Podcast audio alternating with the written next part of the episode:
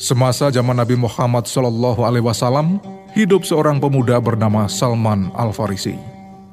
Beliau adalah sahabat Rasul yang mahir mengatur strategi perang.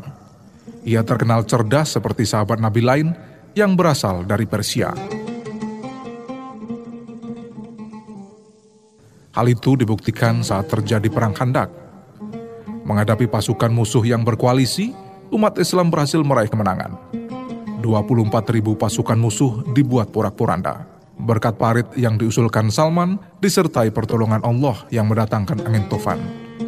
Musuh agama Allah itu pulang dengan tangan hampa. Sejak itu, nama Salman semakin bersinar di kalangan sahabat. Pemuda dengan rambut panjang dan tubuh kekar itu dikenal memiliki kecerdasan yang luar biasa. Salman berasal dari Isafan, sebuah tempat yang bernama Jai di Persia. Ia dibesarkan dari lingkungan keluarga berkecukupan. Bapaknya adalah tokoh berpengaruh dalam kabilahnya, sebuah masyarakat yang menyembah dan menjadikan api sebagai Tuhan, alias Majusi. Salman termasuk penyembah api setia. Sebagian hidupnya ia sedekahkan bagi kemuliaan agama leluhur, merelakan dan menyerahkan dirinya menjaga api untuk tetap menyala. Sebagai orang kaya dan terhormat, orang tua Salman memiliki banyak tanah dan kebun.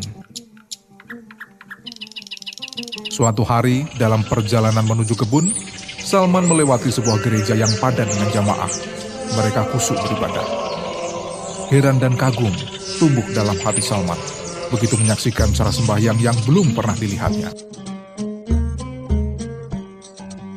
Cara beribadah seperti itu membuat hati Salman penasaran. Ia mengikuti kemauan kakinya melangkah untuk masuk ke dalam gereja. Makin dalam ia melangkah ke dalam gereja, tiba-tiba hatinya berbisik. Cara beribadah yang dilihatnya jauh lebih baik dari cara masyarakatnya selama ini. Ketika kembali ke rumah, gundah hatinya makin kuat, terutama keraguan yang muncul dari lubuk hatinya setelah ia menyaksikan cara beribadah agama yang dilihatnya itu. Ia lalu bercerita tentang pengalaman yang dijumpainya di gereja, mendiskusikan dengan bapaknya, bahkan memuji agama baru itu di depan orang tuanya. Orang tua Salman tak tahan. Ia marah besar dan lantas merantai serta mengurung Salman di sebuah gudang. Perlakuan yang diterima membuat Salman meyakini kebenaran agama Nasrani. Ia juga meminta agar memberitahukan kepadanya bila ada rombongan Nasrani dari Suriah yang datang, agar bisa turut serta dengan mereka bila hendak kembali ke Suriah suatu hari nanti. Suatu hari datang kabar dari seorang pembantu Salman. Ia mengatakan serombongan orang Suriah akan kembali ke negara mereka. Salman lantas melarikan diri ke Suriah tinggal di gereja dan hidup bersama uskup. Ketika dia harus meninggalkan Bizantium karena Azal telah mendekati bapak angkatnya, Salman gundah. Ia tak tahu harus ke mana. Sampai akhirnya ayah angkatnya itu berkata, Anakku, aku tidak tahu siapa orang yang sejalan denganku, sehingga aku tidak tahu ke mana kau harus pergi.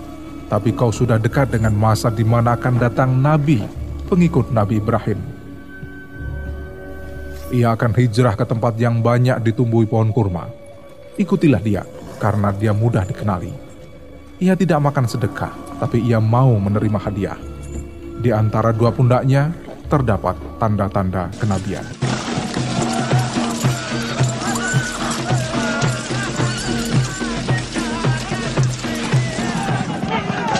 Pada hari berikutnya, secara kebetulan lewat serombongan orang yang menuju ke Jazirah Arab.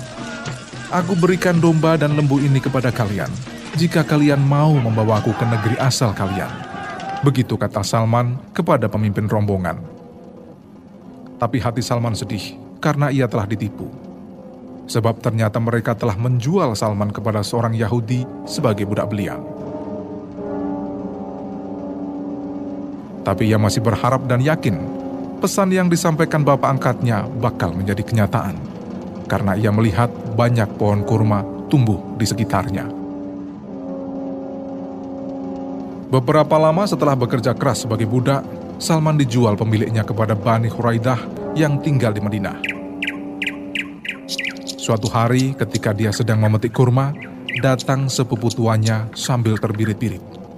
Ia mengabarkan, Aku lihat dengan mataku sendiri, banyak orang berkerumun mengelilingi seorang lelaki datang dari Mekah dan mengaku sebagai nabi. Tubuh Salman bergetar mendengar berita itu. Ia bahkan nyaris terjatuh dari pohon kurma. Malam harinya, Salman segera mengumpulkan barang-barang yang ia punya. Lantas pergi ke Kuba, pinggiran kota Yastrib, untuk menemui laki-laki yang disebut Nabi itu. Ketika bertemu, Salman memberikan sesuatu. Saudara-saudara adalah pendatang.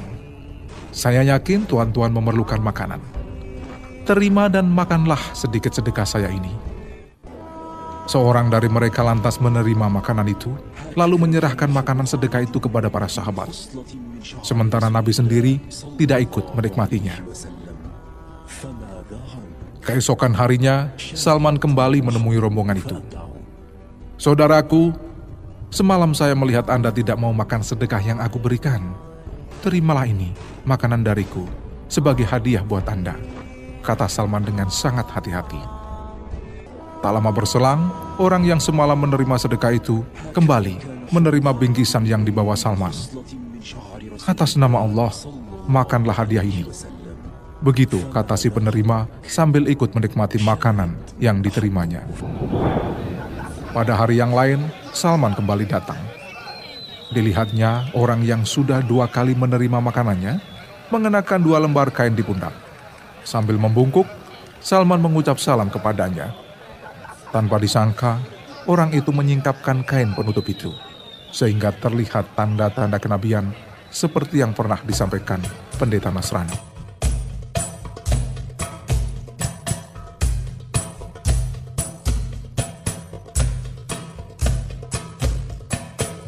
Lutut Salman bergetar hebat. Ia lantas semakin mendekat ke arah Rasulullah, menangis seraya mencium tangannya. Salman menceritakan semua kisah dan kejadian yang telah dia alami. Seketika itu pula, ia menyatakan diri sebagai pengikut Muhammad dan mengucapkan dua kalimat syahadat.